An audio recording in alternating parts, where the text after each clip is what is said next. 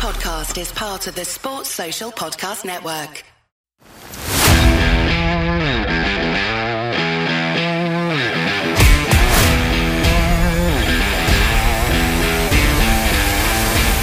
Croeso i podcast Rugby Cymru.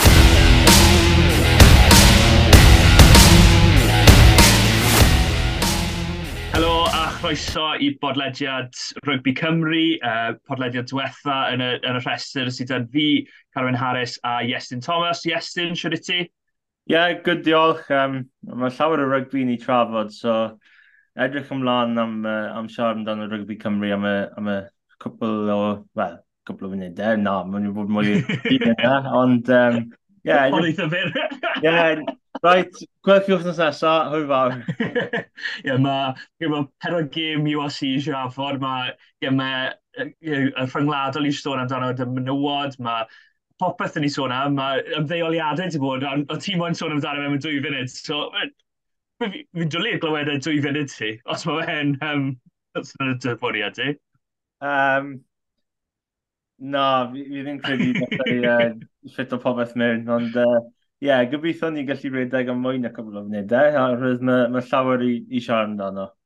Os, mae llawer i siarad am. Um, cyn ni ddechrau, sôn y bopeth, unrhyw beth diddorol dy ti dros penwthnos, o, o ti wedi gweld bach o, wel, upset o dde? Ti'n credu ar y penwthnos, Pont y Pŵl yn erbyn Pont y Brith?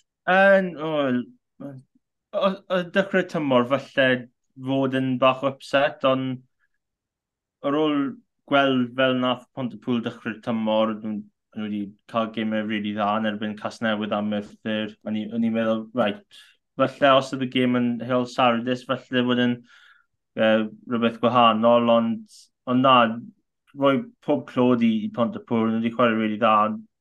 Oedd Pont y Prif, falle y cwpl o camgymeriadau anusgwyl, un cais yn, yn ymwedig oedd, oedd um, oedd un chwarae wedi, wedi dropo pel a wedyn cic ymlaen a wedyn mae, ma fe'n cais ni fel fel. hwnna'n anffodus, ond uh, ceisio gwylio'r gêm gwych ar y laptop hyn un pryd, ond um, ond oedd um, signal ddim yn ddim yn gret lawr yna, so ni ddim ond i gweld, ddim gweld llawer o hynna, wedyn nath y, y pont y pwyl a pont y pryd uh, sgori llawer o ceisiau, so rhaid i fi uh, ffocysu ar beth ni gwylio ar y car. Ie, yeah, um, wel, oedd llawer o geisiau y gym gwelch a conocht. Ti'n moyn dechrau dy hwnna gan fod ti wedi setio fe lan nawr o'r, or pedwar gym URC ar y dros mynd wythnos. Um, ti'n moyn delio dy'r hanner gyntaf neu'r ail hanner? Cos y, y, y cliché wrth gwrs, game of two halves yn Saesneg, game o ddwy hanner, oedd, uh, oedd, oedd gwylch yn ofnadwy yn ystod y hanner gyntaf, yn dod nhw? Ie, yeah, oedd i, Toby Booth wedi dweud ar ôl y, ar ôl y game, oedd fel um, rabbits and headlights oedd o beth wedi dweud a mae ma fe'n ma fe gywir herwydd oedd Colin Blade a, a Connor di swytho allan o'r blocs a nhw wedi no, tri cais mewn hanner awr a ni wedi'n rhaid.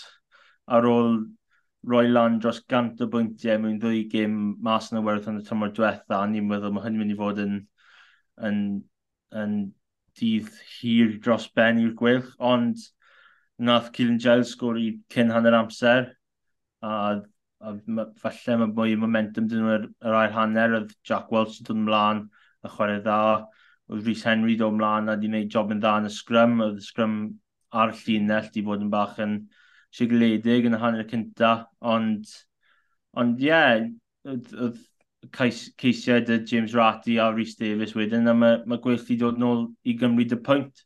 A os yw rhywun wedi dweud wrth y fi ar ôl hanner awr fod y gweith ni cael pwynt allan o'r gêm na, ar ôl fod lawr gan 27 i ddim, byddai'r um, bydd cyfnogwr y gweith yn, yn hapus iawn dyna. Ie, yeah, fi'n falch ti wedi sôn am gyfweliad Hugo Booth, oherwydd fi nath clipo fel an o gyfer uh, social, so... Oh, right, uh, so oh, fi falch nes i sôn am hwnna, ond ie, yeah, um, yn union, fi, dyna beth nath o weid, oedd e, rabbit in the headlights, oedd gwylch, o'n nhw'n... O'n nhw'n cwmpo off tacled o'n nhw'n y hanner gyntaf, nid... Wrth gwrs, mae Mark Jones wedi dod mewn i reolid am ddiffyn nawr, mae fe newydd ddod Dwi'n meddwl problemau systemau oedd hwnna yn y hanner gyntaf ti'n credu, ni problemau unigol. Yn fy marn i, o'n i gweld eitha lot o tacle yn cael ei fethu, ond yn meddwl ta problemau unigol o'n nhw yn, hytrach na problemau um, tactegol, ond falle ti'n gweld yn gwahanol. Wel, fi, fi ddim yn siŵr i fod yn onest. Mae'r mae'r sgwads di mynd yn mor llai trwy gymor y tymor diwetha. A symo, mae ma bwth di dweud llawer o achosion fod ddim llawer o cyfleon i'r tîm na yn ymarfer yn, yn erbyn ei hmm. gilydd. Mae nhw wedi fod yn ymarfer efo tîm yr eraill fel Caerdydd, Dreigiau. Mae, mae bwth wedi mynd nôl i bath a ymarfer dyn nhw. So mae nhw wedi cael profia, profiadau na o ymarfer efo tîm o'r eraill. A felly gweld beth y systemau nhw yn mewn gêm ymarfer. A wrth gwrs mae gêm ymarfer a gêm UAC yn yn Paul's apart fel maen nhw'n dweud. A yeah. falle nhw di... Falle fe nhw ddim at y races, pardon the pun, herwydd mae sports ground yn hefyd uh, the races, the cwn, whoops. Ond, um, ond, um, ond ie, yeah, mae... Ma, fi'n credu falle fod y gêm cyntaf tymor, falle popeth ddim lan at cyflymder fel mae'r fel mae bwth ar cwylch moyn, ond gobeithio mae'r performer yn ail hanner yw fel y benchmark na am, am gweddill, tymor. Ie, yeah, mae hanner gyntaf, Colin Blade yn sgorio hat-trick o'n i'n meddwl, fel nes i sôn, fel e'n gallu bod, bod hanner cant o bwyntiau um, ar un pryd, ond nes i sôn mae Cilin yn sgorio cais dda iawn, dwylo dda, wedyn mae fe'n curo i dyn un yn erbyn un, fel mae Cilin yn gallu neud yna, dyna dalent sydd da fe, mae fe, mae, mae fe wastad, os ydych chi'n rhoi'r bel iddo fe un yn erbyn un, to, 70-80% o'r amser mae fe'n mynd i curo'r curo gwrthwynebyr. Um, o'n i'n meddwl wedyn yr ail hanner nath y fainc nes i sôn am Rhys Henry gath ei ddylanwad mawr iawn ar y gêm, nid mond yn, yn helpu mas yn yr agweddau tyn, ond uh, dau dwylo fe yn yr agweddau rhydd. O'n i'n meddwl bod e'n um, link play maen nhw'n gael efo, y, y pod na i ddechrau da fe, mae'n pas yn ôl ti yw gefn e. A wrth gwrs, Jack Walsh dy gael dylanwad mawr ar y gêm, oherwydd oedd yn digon teg i weid oedd Owen Williams heb cael ei gêm gorau, a ti'n gweld y cais mae uh, Ruben Morgan Williams yn sgori. Oedd hi ar cyflymder Jack Walsh yn torri dacl, pas yn ôl tu fewn. A ni'n meddwl bod y gwelch yn edrych gymryd yn well, er, mae ma rhaid weid, oedd hi'n gêm o dwy hanner, a rhywbeth sa'n credu oedd llawer o bobl wedi sôn amdano yn ystod y gêm oedd y, y tywydd. A mae wastad yn chwarae ran yn conocht, ond oherwydd oedd e ddim yn glawio, oedd pawb yn gweud, o, mae fe'n iawn, mae fe'n berffaith. Ond, oedd e gwynt cryf, oedd e'n erbyn y gwylch yn, yn hanner cyntaf, ail hanner nath nhw gwella. Um, oedd e just yn siom bod nhw ddim yn agosach, oherwydd allan nhw wedi gwneud gêm reit dda ar fe, allan nhw wedi cymryd dwy bwynt o'r gêm A fel, you know, ti'n sôn am y cyfweliad nath Toby Booth gweud, I think y uh, llinell olar mae fe'n gweud yn ystod y cyfweliad yw, I think we may rue this. You know, uh, oedd e'n sôn falle bydden nhw'n dyfaru eu perfformiad yn yr hanner gyntaf oherwydd pa mor agos dethyn nhw yn yr ail hanner, a falle allan nhw wedi ennill y gêm yn, yn, yn y gyfanrwydd os nhw wedi dod mas a, wel, chwarae ddwy hanner o rygbi, ond, wel, sôn am ddwy hanner o rygbi, sy'n credu bod un o'r uh, rhanbarthau wedi chwarae dwy rannau o'r rygbi yr penwthnos yma. Sa'n siŵr amdano ti, Estyn? Wel, i fod yn onest, o edrych yn ôl, mae ma dwy cic Merwyn Williams di, di roi a mae di mynd dy'r gwynt. Mae mm. ma nhw, ma nhw wedi costo pwynt i'r gwelch a mae fe'n really anffodus, herwydd falle gwylio fe ar y pryd, ti'n meddwl, right, o, mae fe'n just yn anffodus, mae fe'n lwcus. Ond wedyn edrych yn ôl, mae fe'n ma fe fel, o, oh, mae ma i, wedi colli fyna, ond a fe mae bwth wedi dweud, might rue the, the, that chance, and um, a mae falle ar y diwedd y tymor, mae fe'n mynd i fod yn gywir, ond mae fe'n mynd i fod yn, yn anodd iawn i'r pob rhan barthau yn ystod y tymor hyn. Ie, yeah. uh, wel, un rhan bath na ffind fe'n anodd iawn oedd y Scarlets mas yn De Africa yn y Wared Bulls. Um, yeah, oedd e'n perfformiad... Wel, so, mae fe'n anodd i weid bod e'n perfformiad wael oherwydd ni'n gwybod beth sy'n digwydd mas o De Africa. Mae tîm grif da'r Bulls. Ti'n sôn am, wrth gwrs, sim chwaraewyr o De Africa dan, uh, di, di, di dod nôl, ond dal dan nhw'n notiau uh, Elri Low fel 5-6-7. Mae hwnna'n ma hwnna grif iawn.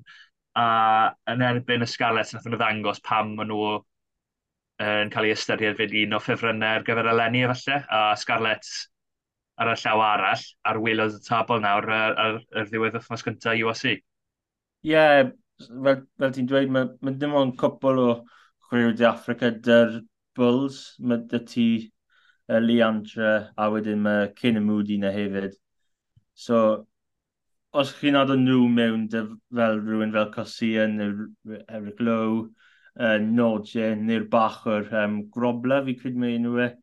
A ddim meddwl fe wedi chwarae dda dros byn wythnos a, a mae ma Bulls yn edrych yn tîm gryf iawn. Um, er yma chwaraewyr i ffwrdd y Springboks maen nhw dal yn edrych yn gryf yn wedig yn y pac a i credu nhw wedi oedd yna beth yw'r ffocws nhw dros y cwpl y tymorau diwetha a fi credu maen nhw eisiau rhoi bach mwy yn ymysodol fel, fel gwych mewn rhai y digiau, felly mae mae pac na, a wedyn mae jyst angen mwy ymasodol yn gyda'r dwylo'n y pêl a, a fi credu mae'r mae Scarlett di, di colli'r battle yn y pac a y gym cico hefyd felly fi bell a mae'r altitude yn mynd i helpu chi dy pellter a felly mae'r ma Bulls yn, yn gwybod fel, fel i cico yn mwy yn mwy cyffwrddus na'r na beth mae Scarlett oherwydd maen nhw wedi trefili mor, mor gymaint i'r dechrau tymor. Ond um, roedd cwpl o perfformiadau dda, oedd, of course, nath Team Plumtree sgori cwpl o ceisau, oedd nath um, Tom Rogers neu tackle wych yn y hanner cynta, ni'n meddwl oedd e'n gais, ond oedd e, e ddim ar ôl gwylio fe'n ôl yn y eto, a wedyn oedd Joe Roberts i chwarae'n dda hefyd, um, wedi gweld e dy'r yn, yn ryngwladol dros y haf a mae wedi dod nôl i'r ranbarth a, a chwarae dda. Ie, yeah, falch gweld fe'n nôl i fod yn onest. Mae fe, ma fe mynd i fod yn frwydr ddiddorol da'r canolwyr Tysgalet eleni wrth gwrs. Ti'n sôn am cyn nath Iwan Lloyd diweddi lan ware nillio fyna neu cefnod ond ddim yn siŵr actually rhan o'r amser lle oedd e'n ware ond dyna sy'n mae Iwan Lloyd yn ware efe uh, a ti'n mynd i fod yn frwydr ddiddorol rhwng Joe Roberts, Jonathan Davis, Scott Williams Johnny Williams, Ewan Nicholas, um, o Eddie James wrth gwrs, mae ma cwpl arall fi'n siŵr fi wedi heb enwi. A mae'n mynd i ddod yn ddorol i wybod pwy mae Peel yn dewis fel dewis cyntaf gael e. Um, falle maen nhw'n meddwl amdano so, rhan fwy o'r chwaraewyr na fel canol, canolor mewnol nawr. Sa'n siŵr beth nhw'n meddwl am Foxy Jonathan Davis o hyn ymlaen, falle oherwydd mae fe'n mynd hun, falle maen nhw'n mynd i symud y mewn, ond Mae'n Joe Roberts, mae fe'n dalentog iawn, nes i weld yn ystod y haf, a'n falch weld e'n wared dda yn y gystal a Plumtree. Um, ond ie, yeah, fel nes i sôn, oedd e'n brwyddio rhy bell i'r Scarlett, yn oedd pawb yn disgwyl e. Um, to, mae fe wasr yn siomedig i weld perfformiad lle chi'n chi, chi um, weld record o bwyntiau yn, cael ei yn, yn, yn erbyn chi. Ond yn ei gyfanrwydd nid wythnos ma neu wythnos nesaf sy'n mynd i, well, wythnos diwetha neu wythnos ma sy'n mynd i ddewis os mae Scarlett yn, yn, cael uh, blwyddyn dda neu na. Mae fe'n mynd i fod yr wythnosau pryd maen nhw'n chwarae gytre yn erbyn tîmoedd fel Caredin neu Glasgow neu um, Connacht a tîmoedd fel na os maen nhw ar nhw.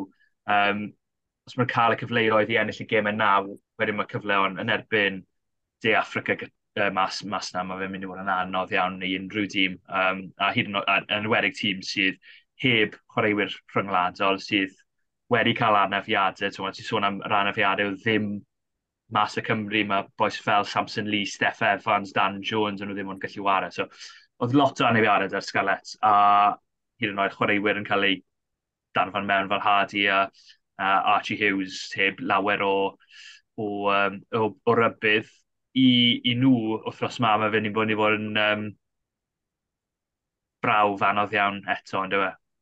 Ie, o di. Dyna beth mae'r mae tîm o'r Di Africa yn mynd i, mynd i roi i'r cyngrair.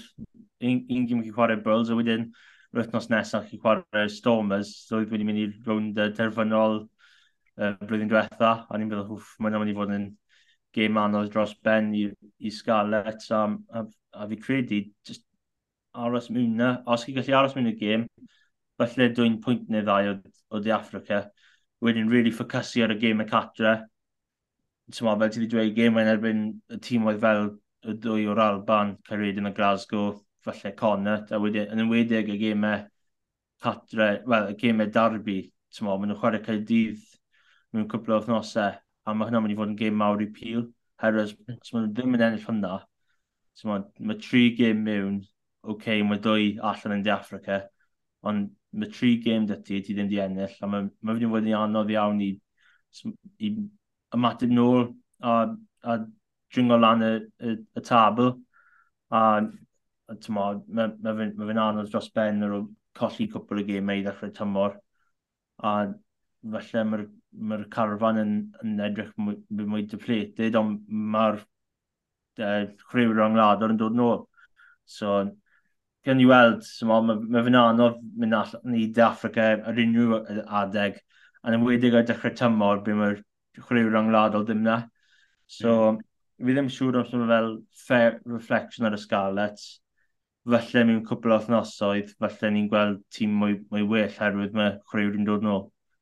Ie, yeah, um, well i ni sôn am De Africa yn fwy nawr, fi'n credu, yw her bod Cymru ddim yn, yn gwybod y byd sydd yn brifo fi dal. Um, be nes di o'r rwy'n gynderfynol oedd yn gwpan y byd, oedd pobl yn sôn bod y, y gêm na rhwng Zela Newydd a'r Ariannin bach o no contest, ond oedd y gêm arall yn, uh, wel, fel maen nhw'n gweud, uh, test match, oedd e, rhwng Lloegr a De Africa, Be nes di o'r perfformiad rhwng y ddoi dîm, a yn ywedig perfformiad De Africa, rhyw bach, rwy'n ddim di chwarae mor dda, ni wedi gweld mor belled yn ystod y tournament, o'n nhw?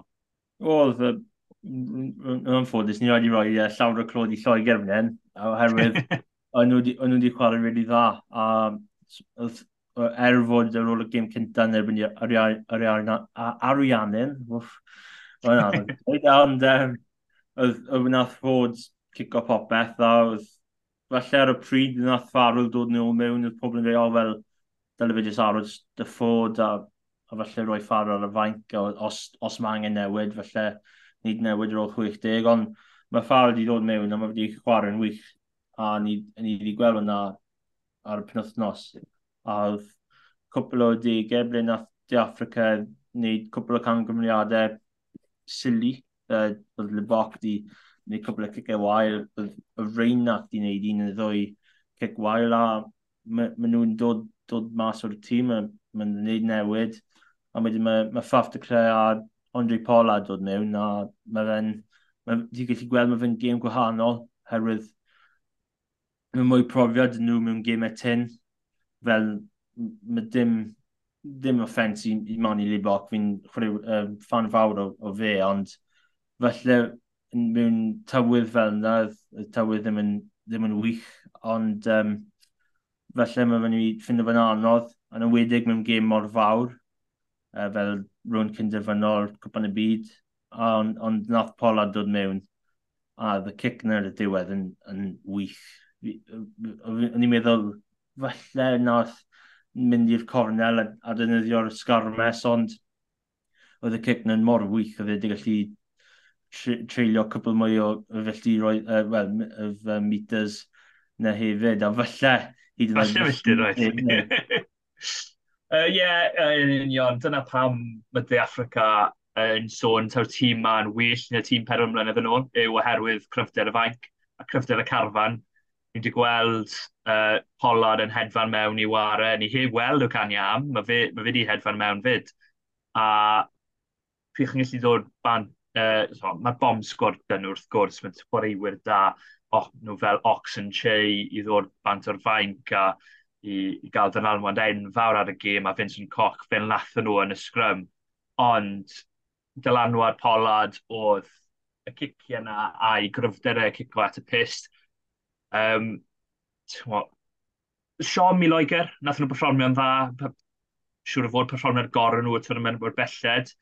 Um, nath Defrega helpu nhw drwy cico i Freddie Stewart, a fi'n credu bod y cefnog gwerth o Cymru wedi weld pa mor lliog ydy e o yn yr awyr, paid cico i Freddie Stewart, dyle fod yr, y peth dyle pawb gweud o gwmpas y byd, fi'n credu, ond mae fe mor dda yn yr awyr a gath y ddylanwad enfawr ar y gêm. Um, ond ie, yeah, i fod yn onest, siom i Loegr, ond uh, ie, yeah, fi'n credu, bod nhw ddim, bydde fe wedi bod yn sioc enfawr os, wed, os nhw'n wedi cyrraedd y, y rownd derfynol. Fi'n credu i, i Loegr, mae rhaid yn nhw gymryd hwn fel maen nhw wedi llwyddo i gyrraedd y rownd gynderfynol, pryd y pobl ddim yn meddwl bydden nhw, a hefyd perfformio'n dda iawn yn yr rownd gynderfynol. Gobeithio iddyn nhw, maen nhw gallu curo ariannau ar gyfer uh, y safle 3 a 4. Um, ond y gêm fawr wedyn, Sela Newydd yn erbyn Africa, o, wyt ti wedi newid y feddwl di ar ôl weld perfformiad Africa uh, ynglyn â pwy sy'n mynd i ennill uh, y rownd yn y fynol? No, fi ddim siŵr os fi wedi gwneud meddwl fi lan eto. Hyd yn oed mae Frank di, di fod allan am dros wythnos, fi, fi ddal ddim yn siŵr. Fi, fi edrych mlaen i gweld Damien Penod dod allan o dim byd, a jyst ennill cwpan y byd o, o dim byd. Ond, um, ond mae fe'n anodd. Y ddwy gêm yn wedi chwarae yn y haf, mae fe'n mor gwahanol, herwydd nath Dylan Newydd ennill yn, yn, yn catre. Wedyn yn y gêm na yn Twickenham, ble nath y box ennill gan, gan llawer. A, a fi ddim credu mae'r canlyniad yn mynd i fod mor bell. Mae'n mynd i fod yn gêm gyffroes, mae'n mynd i fod yn gêm wych. Ond na i dal sticio'r Springboks just oherwydd y, y, y, y cryfder yn, yn y pac a a fi ddim siŵr os mae Zealand Newydd dy'r faint i dod mlaen yr un peth na na'r, na Springboks, ond mae'r ma All Blacks yn All Blacks, ni, ni ddim gallu cyfri nhw mas erwydd mae'n mor dda, a, fel ni wedi gweld yn y, yn y gêm nhw yn erbyn arian, arian, arianin, mae ma Checa wedi wneud job yn dda yn nhw, a, a maen dal, ma nhw dal wedi colli gan 40 pwynt, ni'n meddwl, wel, mae'n ma anffodus, ond um, Ond ie, yeah, fi credu mae'r ma Springboks just mynd i, mynd i ennill na. Ie, yeah, fi'n credu ti'n ei pwynt dda iawn am beth i'r fainc fyna, herwydd heb law am un neu ddau, byddwn i ddim gweud bod y fainc cryfad ar da zela Newydd sy'n sôn, wrth gwrs, mae un o'r ail reng mynd i fod na rhwng Scott Barrett, um, Brody Talek a Sam Whitelock. Un yn nhw siŵr o fod mynd i fod ar y fainc, maen nhw'n chwaraewyr cryf. Damien McKenzie fyd, ond heb law am ni, mae ma, ma chwaraewyr fel Philly Christie sy'n eitha amrofiadol yn y lefel rhyngwladol.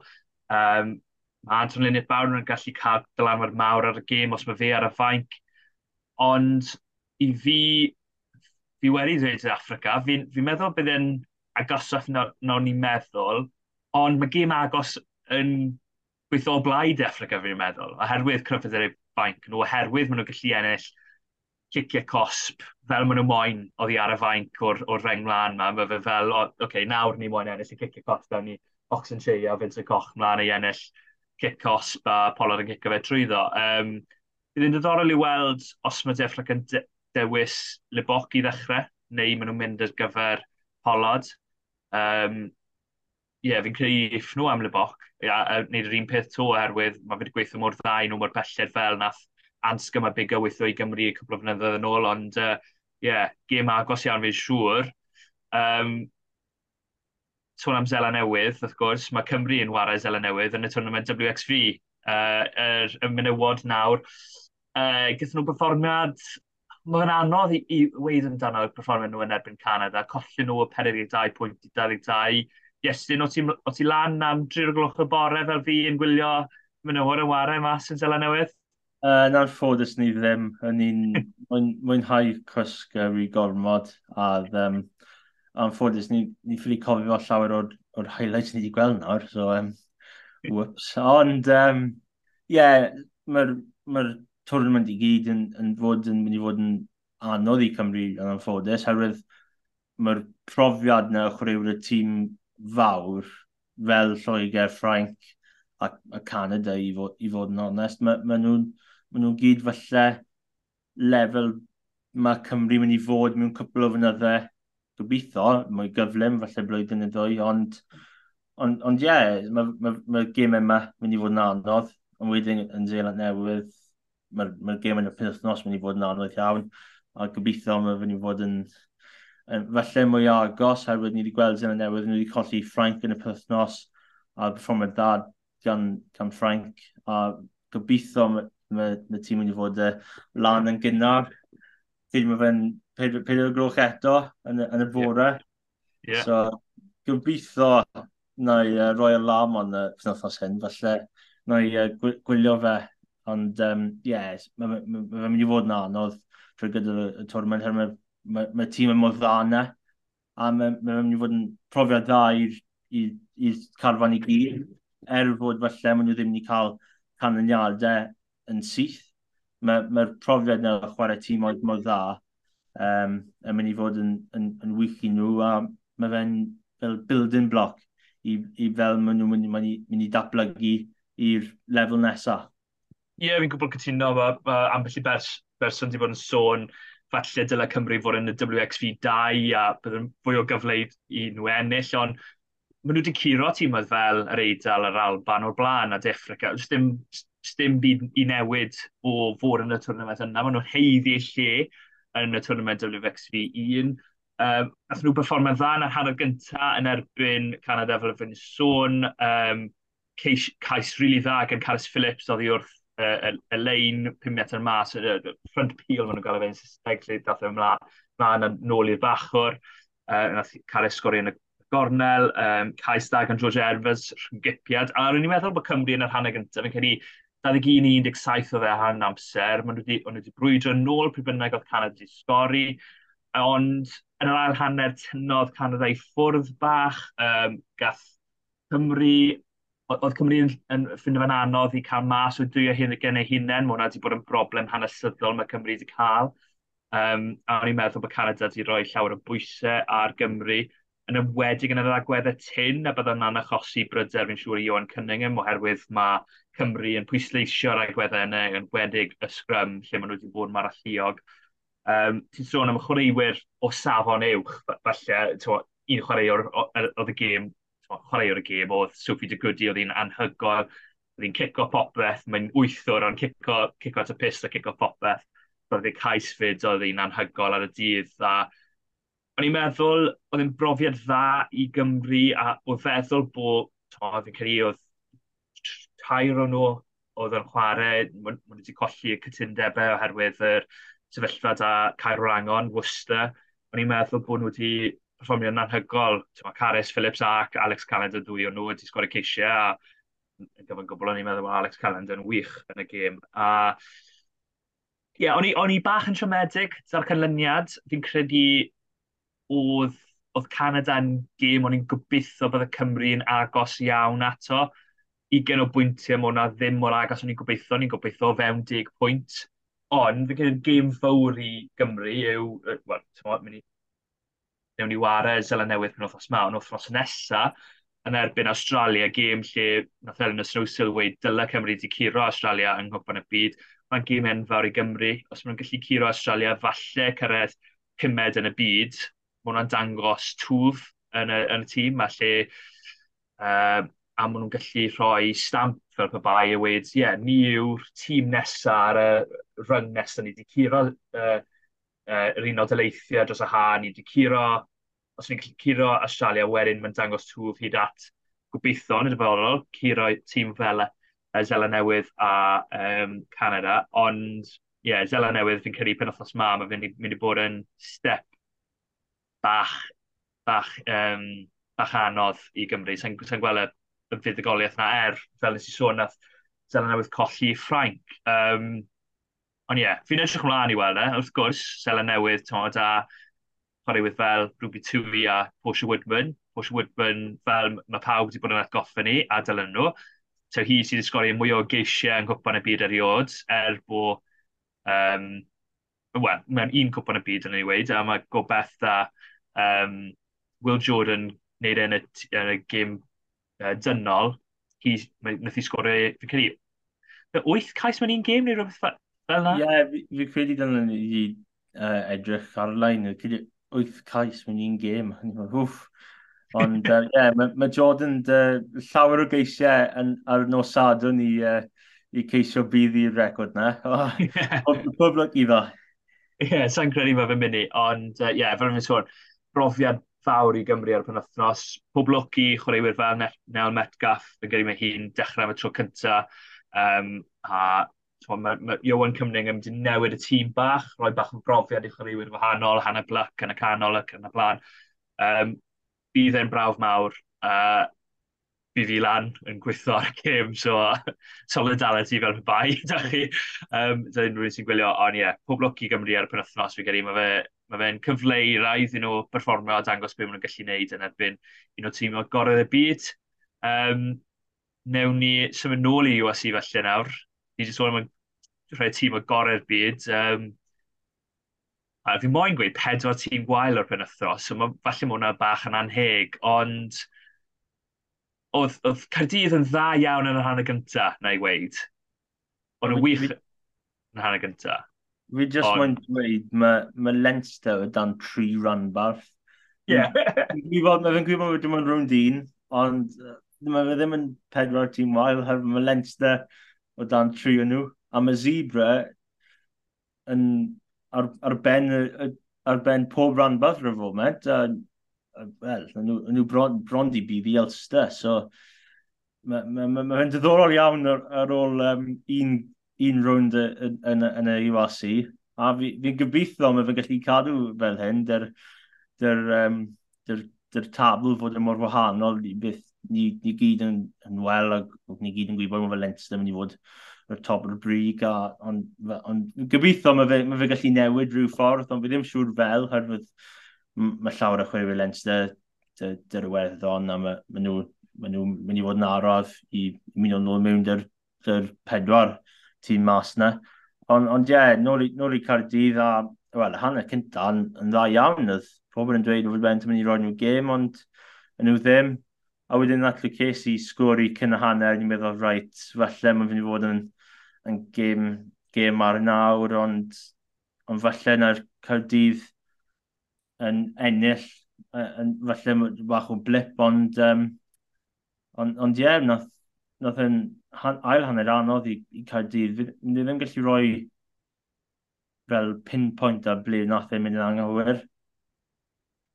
Er bod, of gwrs, mae'r ma, ma cynnig coch oer i Cion Parker ar y ddiwedd. Mae ma, ma hwnna mynd i fod yn, yn darleuon. Oedd Albanos di sgori cais wych o'r box, um, o box kick na, a mae fe'n wych o'r nadw. E. Ni'n meddwl Camineti chwarae dda uh, fel cefnwr, ond mae Alban oes i'n gwneud job yn wych fan na i, i sgori cais na. A mae yna'n newid y gêm rhyw fath.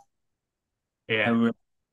Mae'r ma ffydd dy'r tîm oedd uh, Italian, fi'n i'n gofio beth yw. Eidaleg. Eidaleg, ie. Mae'r uh, ma pen ddim yn gweithio yno, ond um, mae pobl yn dweud fod tîm yna yn redeg o pellter a wneud, ceisio wych o 80 metr neu Um, ond on, on ni gweld bod Benedyn yn cico'n dda hefyd dros, dros penwthnos a dylen ni gyd fos yn dyn, fod yn, yn eitha, eitha weri dyna herwydd ni gyd yn gwybod fel tîm o'r cyffroes i wylio ond, ond falle maen nhw gallu mynd nôl i'r game box a, a, a chwarae stew gwahanol i, i siwto'r fel beth be sy'n digwydd yn y gêm a credu nath dyla mynd yn wael i cael dydd. Gwedi falle uh, o'r chwarae mewn sefleoedd dylen nhw jyst i roi'r pel i'r tro da a gobeithio ennill mwy o tîr. Ie, yeah, um, yeah, ti wedi gwir yn e eitha dda fyna i fod yn onest. O'n i'n sôn amdano fe'r podcast dydd a cri oedd moment, fi'n fi, fi anghytuno dy ti, o fi'n credu oedd moment lle gath Tanis de Bia bod 5 munud really sal. Ti'n sôn am y cais oes fe sbew un o dan y bel, falle dyle fe wedi tynnu nôl a mynd am y dacl o feddwl, oedd um, e wedi e mynd am y bel, oedd e heb gael y bel, a wedyn o cais yn cael ei sgori, a wedyn mae fe'n cico bel mas ar, ar, ar ei ffen. Um, a o'n i'n synnu oedd e heb cael ei dynioddi wrth y caf yna, o fel bod rhywun fel Arwyr Robson ar y fainc. Wrth gwrs, nath Tony Sgwaren wych yn ystod o hanner gyntaf, oedd e'n anhygol, nath ei roi bas mewn ar gyfer LS Bevan yn sgori mewn y cornel, a nath reoli'r gêm ond yn yr ail hanner, fel ti'n sôn, oedd, oedd Benetton wedi cael um, fwy o reolaeth o'r gêm, da Andrew Wren yn uh, cyn o fryster o arfer fel mewnwr, oedd e'n anhygol ar y dydd, ddau cico box fel ti'n sôn A o'n i bach di siomi da cydydd yn yr ail hanner rhaid i mi gyfaddau, oherwydd o'n nhw mor grif yn y hanner cyntaf, mor, o'n nhw wedi dominyddu'r gêm, o'n nhw ddim yn edrych fel o'n i'n mynd i'n rhoi ceisiau i ffwrdd fyd, oedd yr amddiffyn yn dda, hyd yn oed yn yr ail hanner. A nhw'n dominyddu'r agweddau tyn yn yr hanner cyntaf, a wedyn, fydden nhw'n llwy'r cwpla yn neud hynny, oedd e fel bod nhw'n meddwl bod y gêm di cwpla a de, just dechrau rhoi uh, ciciau chosb i ffwrdd. Um, ti'n sôn am y dacl nad y cyn y parc, wrth gwrs, mae hwnna'n mynd i bod yr y foment fawr mae pawb yn ei sôn amdano, ond nath cydydd colli hwnna, y gêm yna ymhell cyn ni. I, i fod yn onest, o'n i'n teimlo fod y gêm na'n debyg iawn i gêm Cymru yn erbyn Ariannin yn ystod y cwpan y byd, lle nath Cyrdydd rhoi llygedyn o beth i Benetton ar ddiwedd y hanner gyntaf, fel nath Cymru yn erbyn Ariannin, a dath nath Benetton trwyddo yn y diwedd. A ie, yeah, siom fawr i gydydd oherwydd hwnna'n gêm yn fy marn ni, dylen nhw di ennill. Um, a gêm, ti'n sôn am y, y, y flwyddyn gyfan, oedd hwnna'n cymple eiraidd yn erbyn tîm Benetton oedd ddim dy llawer o'i chwaraewyr rhyngwladol i gymryd scalp fel pe bai bron y bod, a cymryd fuddugoliaeth lle wythnos nesaf neu wythnos ar ôl pryd mae'r Idalwyr gyd nôl, y chwaraewyr rhyngwladol, sori, gyd nôl i, i Benetton, bydde fe'n gym anodd iawn. Ond, ie, um, yeah, ynglyn na'r cerdyn coch, sa'n gwneud ni angen sôn amdano fe gormod, oedd e'n yn amlwg gerdyn goch, yn amlwg tackle uh, wael. Um, ond geiriau Liam Belcher, mae rhaid i, twa, gobeithio bod y chwaraewyr yn cael o gwmpas e oherwydd game, ei gêm gyntaf dros y rhan fath o dde, oedd e ddim di ceisio wneud hynny. A fi'n teimlo'n, oh, fi'n teimlo'n uh, siom fawr iddo fe yn bersonol fi'n siŵr bod e'n um, cael wythnos anodd iawn a um, gweithio bod e'n iawn. Ie, yeah, wel, o'n i fi sôn yn gynnal y gwyll gan fod y, y ciced o Owen Williams yn di, di colli nhw pwynt, ond mae, mae dy bu a di wneud, di wneud Owen Farrell a di cymryd ei amser dy'r cic yeah. hanner. A yeah ti'n edrych ar y gêm ar y pryd, ti'n mo, 19.10, ti'n meddwl, oh, right, falle mae'n ddim yn ddim yn effeithio peth fe, ond on edrych ar ôl, ar ôl y gêm di cwpla, mae ma Cyrdydd wedi colli gan bwynt, a os mae Dybia falle mwy, mwy gloi cymryd y cic na, mae'r ma can, canlyniad yn wahanol iawn. Ie, yeah. Ie, yeah, oedd hwnna'n um, foment fawr o feddwl yn dan, mae fe'n atgoff, atgoffa fi o gêm Ffrainc, lle mae Thomas Ramos yn cael ei gicti charge lawr, ti'n gwybod, os mae os ma fe'n... Um, Mae'n gicio hwnna, falle mae fe'n gêm gwbl wahanol. A ie, yeah, Sean Fawr i gydydd, a wedi cedi oedd hwnna'n, oedd i'n sôn, gyfle eiraidd iddyn nhw. Um, y dreigiau, wel, copy and paste yma, Rhyn peth i ddweud bron o bod. Ie, yeah, rhaid i ni uh, tynnu rhoi geiriau allan a newid e. Fi'n credu mae copy and paste yn, um, yn syniad dda, ond um, yeah, mae mae Ben Healy wedi dod mewn dy cael redyn, mynd i wneud job yn dda. O'n i'n hoff iawn o Ben Felicot fel, fel, fel, fel mewnwr. Mae fe'n, fi'n credu mae fe'n talent wych. A, mm. a mae fe'n, mae fe'n, mae fe'n, mae fe'n nac o sgori ceisiau, ddim siŵr pam.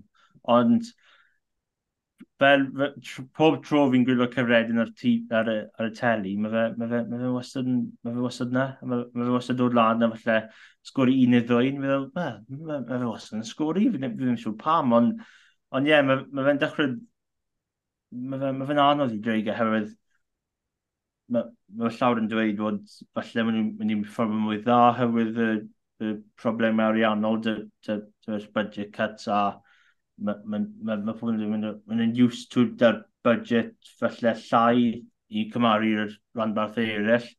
A yn y fi yn rydw i dda, oedd cais, cais yr dda, uh, eitha dda de Tomkinson i ddechrau ar ôl munud. A ni'n meddwl, raw, maen nhw'n dechrau dda i dreigiau. A wedyn mae Corey Bolden i sgori, mae'n meddwl, raw, reit, 14 pwynt i, i ddim, a maen nhw'n edrych yn gyffyrddus.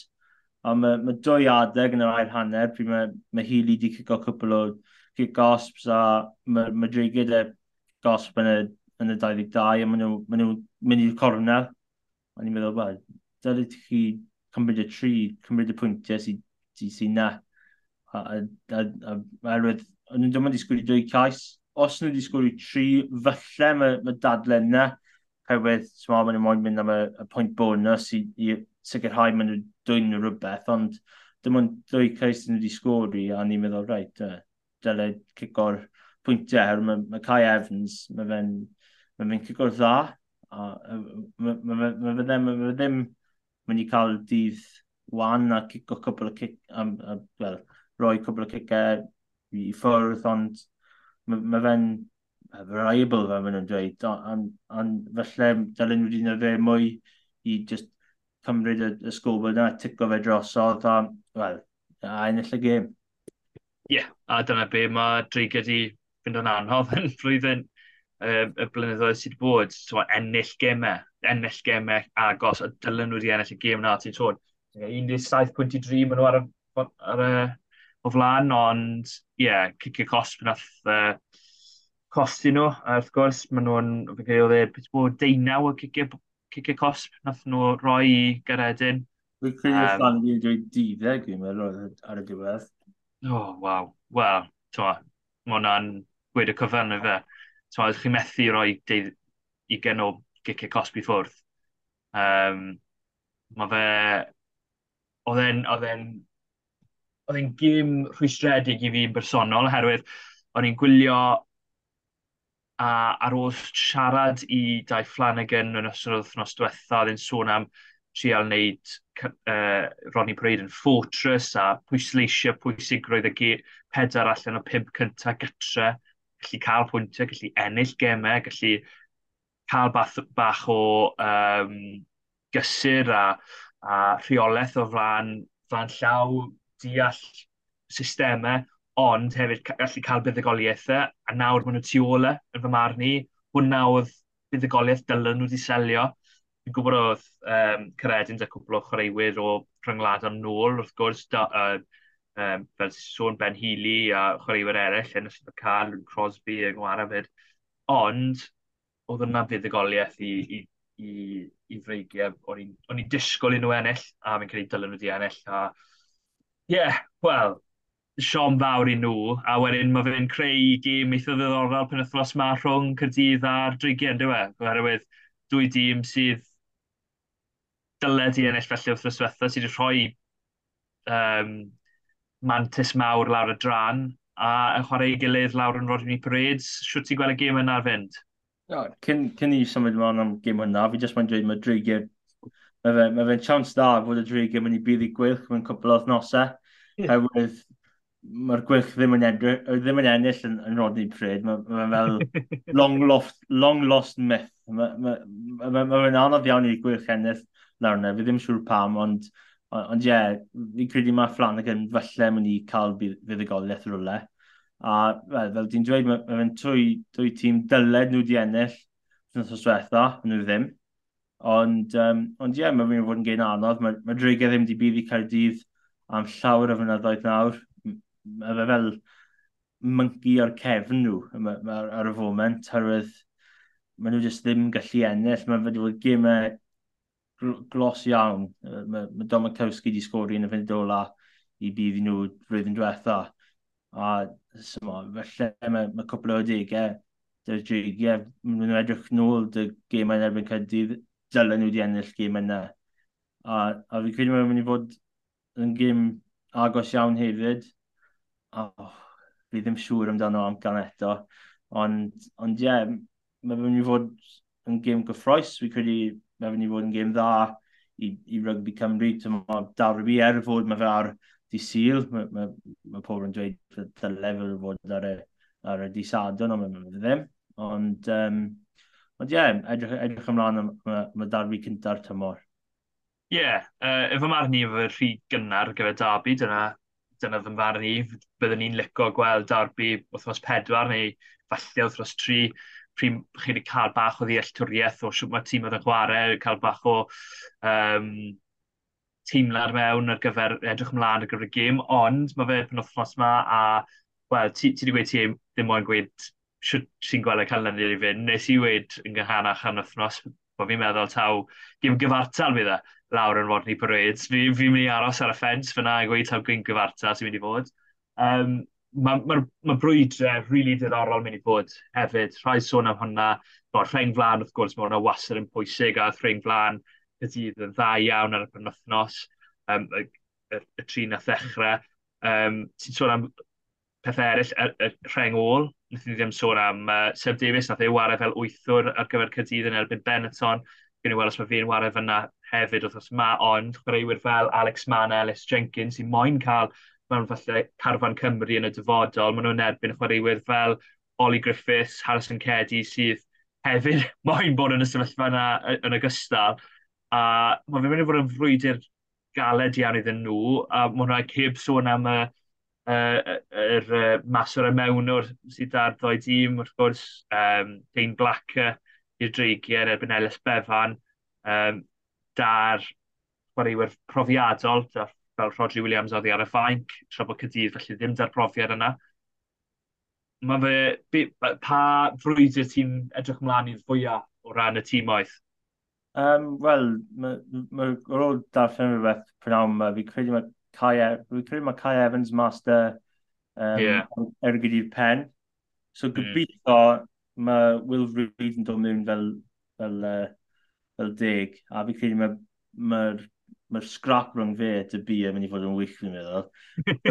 Dwy mas, oes i just moyn chwarae, a beth bynnag sy'n mynd i digwydd, mae'n mynd i fod yn, yn barol gyffroes iawn, a so mae hefyd, fi ddim, fi ddim yn siŵr os mae Rio 2 yn mynd i chwarae, er fod fi ddim wedi cael llawer o fynydau yn cwpan y byd, fi ddim, ddim, ddim coed siŵr eto, ond fi'n credu mae, mae mynd i cael off nos bant, a, a, a, mae fe yn erbyn Cabango mynd i fod yn, oedd mynd i fod yn, yn battle week, ond fi ddim yn siŵr os mae, mae dau yn mynd i chwarae. Ond, um, yeah, mae ma sôn bod um, falle bod Dan Lydius yn mynd i chwarae, so o, o hynny mae cyfle bod, dwi'n ti'n meddwl, falle bod y Rio hefyd, ond uh, gen i weld, ie. Yeah. Sorry, yeah. o'n i torri dreit ar dras di fyna, parhau. O, i just want dweud fod ni wedi sôn dan Alex Mann cyn dechrau tymor, o wedi, wedi captain i'r tîm Cardydd a oedd wedi chwarae dda yn y penthnos. So gobeithio mae ma, ma, mwy o profiad y fe nawr a wedig tymor gym fawr yn erbyn y dreigiau. Mae fyny deall llawer a wedig os mae fe chwarae yn erbyn Lydiat. A Ond ie, yeah, mae'n ma mynd i fod yn gym gyffroes, mae ma llawer o safleoedd beth i'n meddwl hw. Mae'n mynd i fod yn, yn edrych yn dda un erbyn un, ond yn wedig fel, fel tîm oedd. Ie, yeah, um, un person falle bydd yn gwylio yn wyliadwrus, wel, well, mae, fi'n gweud hwn, mae ma rumours di bod wrth gwrs bod Lee Half Halfpenny falle yn mynd i'r dreigiau o sôn yn ystod yr haf. Sa'n siŵr os mae fe dal yn mynd i, ond mae fe newydd gyhoeddi i fod o mynd i ymddeol o'r, or rhan rhyngwladol. Um, yn gyntaf, byddwn ti'n licio weld e'n aros yng Nghymru o, o feddwl bod e'n mae fe'n gweud bod e'n mynd i symud rhywle a, a cael, mae, mae fe wedi arwyddo da clwb ond heb gyhoeddi fe. Bydde ti'n hoff o Welen aros yng Nghymru? Ie, yeah, fi, os mae fe'n ymuno dy un o'r rhan bach eraill, mae fe'n mynd fod profiad wych i'r chwaraewyr yna. So, os fe, fi, fi ddim, mae dim bynt i ddod mas ein, ond just, just dweud mae fe'n ymuno dy Caerdydd for example, mae fe'n ymuno Cardydd, a mae, mae Wynet na, mae, mae yeah. Jacob Beetham na, corprofiad maen nhw'n mynd i cael just, just ymarfer dy, dy rhywun fel i half penny, os mae fe'n mynd dy reigiau, mae Will Reid mynd i cael, gobeithio mae Will Reid mynd i cael llawer y tipiau dy'r dy gym cico. A, so, os mae fe'n ymuno dy un, un o'r rhanbarth eraill, mae fe'n i fod yn profiad wych i'r chwaraewyr o gwmpas e. Er falle, mae fe ddim yn mynd i chwarae pob wythnos, fel ni wedi gweld yn blynyddoedd diwetha, mae, mae, mae dal profiad wych dy fe i, i roi i'r chwaraewyr ifanc dy'r, dyr, dyr unrhyw rhan fath i, i fod yn onest, ond mae fe ddim yn ymuno Cardydd, fi ddim, fi ddim, mae fe ddim yn rhywma, fi jyst neud e fel esiampl, so dim, hmm. dim cymryd uh, gair fi myna. Ond os mae fe'n ymuno un o'r rhanbarthau, e, mae'n mynd i fod yn profiad wych i chwaraewyr ifanc i, i ddatblygu Ie, yeah, ond yn ffodus, byd ni ddim yn weld e, y Gris Cymru well, ar ôl y gêm yn erbyn y barbariad. Um, I ddylanwad e ar Gymru yn ystod dwa, uh, er degawd a fwy diwetha. Fi'n credu 2009 gathau e gap gyntaf fi'n gywir i weid hwnna, felly cynt, actually. 2008. Felly, ie, yeah, diwedd 2008 mae fe wedi bod yn chwaraewyr enfawr i Gymru yn dweud, i ddechrau ar yr asgell a wedyn yn gefnwr. Ie, yeah, o di. Mae rai y dig, mae fe wedi gwneud tac o'r falle pryd mae, pryd mae tîm gyferbyn yn falle mynd i cael chance o sgwri cais ni'n meddwl, fe mae wedi ni yna. A wedyn, falle game cico fe, tymo, mae fe'n wych. O dan y pil uchel, a'r rai o digau dros y flynyddoedd yw'r un o'r gwreion y byd a yn ywedig fel cefnwr, ond um, ond ie, yeah, mae'n ma, ma, ma profiad dy fe, mynd i cael dros gant y capiau, a fi credu dy, dy fe a Liam Williams, mae ma Cymru fod eitha well, settled dy'r cef, dy safle cefnwr, a mae fe'n mynd i fod yn anodd iawn i, i rywun dod mewn a, a, a cael y Cris yna, a dal performio at y lefelau ni gweld yn ymwydig dy half penny dros, dros y flynyddoedd. Ie, yeah, mae fe'n mynd i fod yn anodd iawn. Um, sôn am chwaraeo sydd wedi uh, sgori dros 800 o bwyntiau i Gymru, 49 ar un taith llewod yn ystod 2017. Mae'n gyrru hwnna yw'r record. Um, Nath o gymryd oddi wrth Neil Jenkins. Yn fy marn ni, yn ystod 2017, fe oedd uh, chwaraeo'r gorau'r byd. Um, fe gath chwaraeo'r y flwyddyn, uh, chwaraeo'r y daith, yn ni wedi yn, um, yn y taith na'r llewod a yn fy marn i fe oedd chwarae'r gorau'r byd, y ffordd oedd yn gwrth ymosod a y ffordd oedd yn cico oedd yn drych na phawb arall. Um, wrth gwrs, nath e o colli bach o'i allu'n gwrthymosod wrth i'r fynd yn hun, uh, ond yn amddiffynol mae fe wastad wedi bod yn chwaraewr anhygol ac, ac yn rheoli'r uh, Kevin fel, fel unigolyn. Pawb yn sôn am y pendulum, oedd e bron y Cymru am spel, fe oedd y pendulum ar ben ei hun a fe'n chwaraewyr fel Aaron Smith yn sôn mae allu i um, sicrhau bod y pel yn, cael, yn aros ar dir y chwarae um, yn ystod ei gyrfa dros Gymru. Um, Mae fe'n mynd i bod yn siom i'w golli fe, ond um, yeah, pob lwc iddo yn ei gêm ola, mae fe wedi cael, gobeithio mae fe'n gallu cael gêm lawn, cos fi'n gwybod mae fe wedi cael gythau anaf difrifol dros ben yn ei, gêm, yn ei ganfed cap ryngwladol yn erbyn yn eidl cwbl o flynyddoedd yn ôl. So, um, yeah, pob lwc oedd fe oherwydd um, mae fe'n heiddi pob, pob clod mae fe'n cael. Er, o'n i'n mynd i sôn amdano i daclo fe, oherwydd mae pawb yn sôn am ei daclo fe, ond os oedd, os oedd real yn byti bad tackle technique, dwi'n siŵr bydd y couple o tackles li half di i, oherwydd oedd e wastad rhoi ei gorff ar llinell, ond falle wneud ei pen yn y lle gywir, falle mae hwnna'n deg i weid. Ie, yeah, ond um, er fod yn, wrth gwrs, mae fe'n peth beth fel drist i, i gweld rhywun am ddeuol o'r gêm rongladol. Mae ma, ma, ma, er, edrych e, flico trwy trydan i fi, a ni'n gweld llawer o clipiau fe fel, fel, gyd mosod, un dy um, Cyrdydd yn erbyn Toulon yeah. yn Europe, um, y ddyn dy'r llewod yn erbyn Australia fel nath i dweud.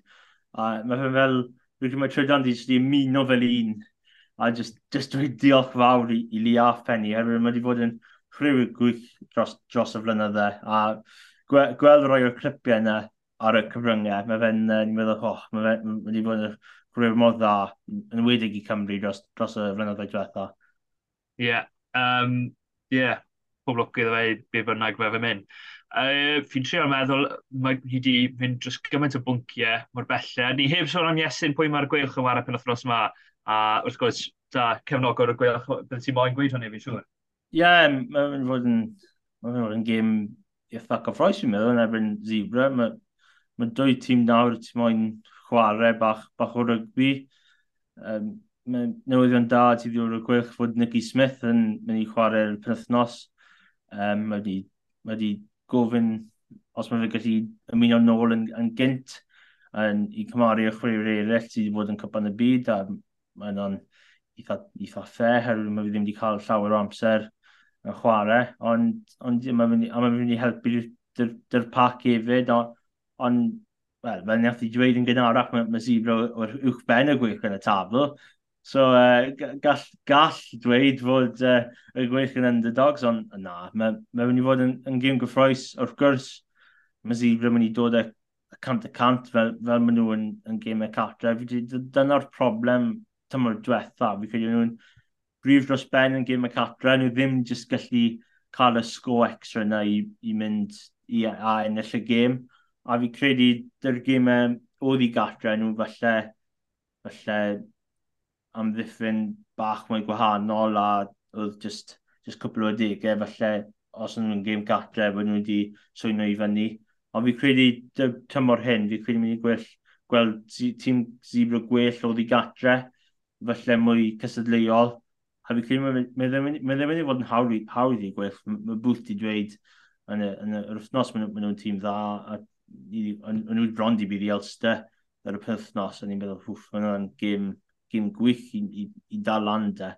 Ond ie, yeah, mae ma Simone gesu dyn nhw, mae'n fe'n chwaraewydd dda, mae'n fe wedi cael cwpl o caped dy'r eildal, a mae ma fe just, mae fe'n ma fe tîm ifanc, ond mae fe'n tîm gyffroes hefyd, a gobeithio touchwood, mae'r ma, ma gwerth wedi cael y, y buddigoliaeth cynta allan o'r pedwar ranbarth yn y tymor. Ie, yeah, oherwydd nhw sy'n, wel, y penwthnos yma, nhw, yw'r tîm cynta yn y UAC Wara. Wrth gwrs, penwthnos yn dechrau da bore Sadwn, Cymru mas yn Zela Newydd, yn y Wara Zela Newydd yn y WXV, cyn uh, y gwelch yn chwarae Zebra Gytre am un o'r gloch. Wedyn, tri o'r gloch mae Scarlett yn teithio i Stormers, um, ar y, ar y tisar yna. Fel wnaethon ni sôn y gêm na di syl uh, dreigiau gytre i cydydd uh, dwy, uh, hanner awr wedi dau o'r gloch yw hwnna. Um, diolch yn fawr i Estyn. Ni wedi gweud, wel, Estyn wedi gweud bod ni'n mynd i cael fuddugoliaeth y penolthnos yma. Wel, gobeithio. Ti'n mynd i, weid, ni'n mynd i gael e? Yeah. Wel, mae rhaid i gael, wel, fi wedi gweud falle ddim. You've teed it up nawr, ond um, y tîm o'n gêm gyfartal, ond fi credu mynd i'n cael dau fydd y goliaeth. Mae'r gwylch, mae wedi fod, mae fod yn anodd, herwydd mae siwr gymaint o, o, o zib wedi di datblygu, mm. ond dylen nhw ennill. Ti'n Mae fe ddim wedi fod yn hawdd, ond on, mae fe ddim wedi fod fel 60 pwynt yn nhw fel llawer o fynyddoedd yn ôl, ond mae'n mynd i fod, fi'n gobeithio mae'n mynd i fod yn fuddigoliaeth. A, oh, go on hen, dreigau bydd i Cawdydd, just. Wow. Credu mae'r ma ma cwrs na maen nhw wedi cael, fi'n credu maen nhw wedi torri fe, a bydd um, dau fflan ag yn yn fwy hapus pen wythnos yma fe yw handl ti ar drydar Iesu, so fe chi gweud i bawb i, uh, i, i, i, i negesu ti yn, os mae deigau yn colli. Um, uh, Iestyn underscore Thomas 2-1. fi wedi cael llawer, wel, no, no, no, no, no, pretty eilion yn anghywir, ond uh, fi, fi, fi mwy na hapus i cael negeseuon os bobl os fi'n anghywir, mae fe'n just, just bach o sport, yn neud uh, cwbl o amcans dy'r gymau yeah, wel, fi'n fi, fi mynd i weid bod Gwelch mynd i ennill fyd, um, oherwydd, fi'n credu dylefod gormod dyn nhw, yn ymwedig yn y pac na, dylefod y rhy grin, ni wedi gweld y rallu sydd â chwaraewyr fel Tipperick, fel Harry Deves ac yn y blaen. O, un peth arall, uh, ni, ni heb sôn amdano, a gobeithio bod e'n iawn, uh, Will Griffiths, fi mor fflin amdano fe. Um, mm. Cos nath e golli rhan fwy o o flwyddyn diwetha da naf, gen i Benglin o blwyddyn diwetha yw e, ACL yn gen i, a nawr mae wedi cael anaf difrifol yn erbyn um, Conoch. To, gwella'n fi anfoi, because uh, mae ma, ma fe'n chwarae talento go dda, a um, yeah, gobeithio mae'n gallu cael spel heb anafiadau, cos mae'n yeah, um, siom trwmedig iawn. Ie, yeah, ni wedi ysgrifennu fel players to watch thing ar, ar y blog, a ni wedi cael Alex Mann, good start. Um, o'n i wedi cael Eddie James er fod fi'n mynd i chwarae eto, a wedyn fi credu ni wedi cael Dom Morris dy'r gwylch, a wedyn ni wedi cael Will Griffith hefyd, a oh, mae fe'n ma fe siom herwydd mae ma allu dy fe, mae fe'n chwaraewyr rydw dda, mae fe'n chwarae clo a chwech, a mae ma, ma fe'n ma fe mor, um, mor drist i, i gweld anaf i, i dechrau tam mor ymwedig, mae ma ddim wedi chwarae llawer dros y blwyddyn diwethaf. Ie, yeah, ie. Yeah. A ti'n chwaraewr, bydde, wel, fy marn i, bydde Gatlin hoff iawn ohono. Ti'n mae Gatlin wedi bod sôn amdano hard six, rough six, fel nhw'n gweud. Mae fe, a Will Griffiths, mae'n gallu gwneud hwnna a helpu mas yn y luniau fyd. So, siom mawr i'r gweil chach i Gymru, fi'n credu bod e mas am spel. Uh, diolch yn fawr i Estyn, fi'n credu ni wedi sôn am bron popeth, os ni wedi methu rhywbeth rhywun iawn am hynny. Ond uh, diolch yn fawr iawn am ymuno dy fi. Uh, trio cofio pa, pob lle mae hwn yn gallu cael ei gwrando arno. Fe gwneud Spotify, YouTube yn y dyforol, y cyfryngau cymdeithasol dilyn ni fyna fyd. Um, Othnos nesaf, gobeithio, bod ni'n gallu cael uh, rhyw fath o guest mlaen. Ni wedi bod yn trial wneud hynny ar gyfer ambell i wythnos. A, uh, wel, mae Iestyn wedi gweud, ni'n mynd i cael ddiddygoliaeth os oes yma. So, na i adael, dych chi, da hwnna. Diolch yn fawr iawn.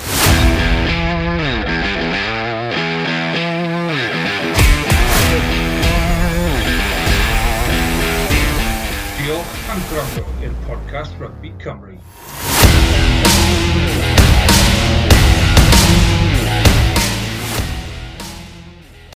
Sports Social Podcast Network.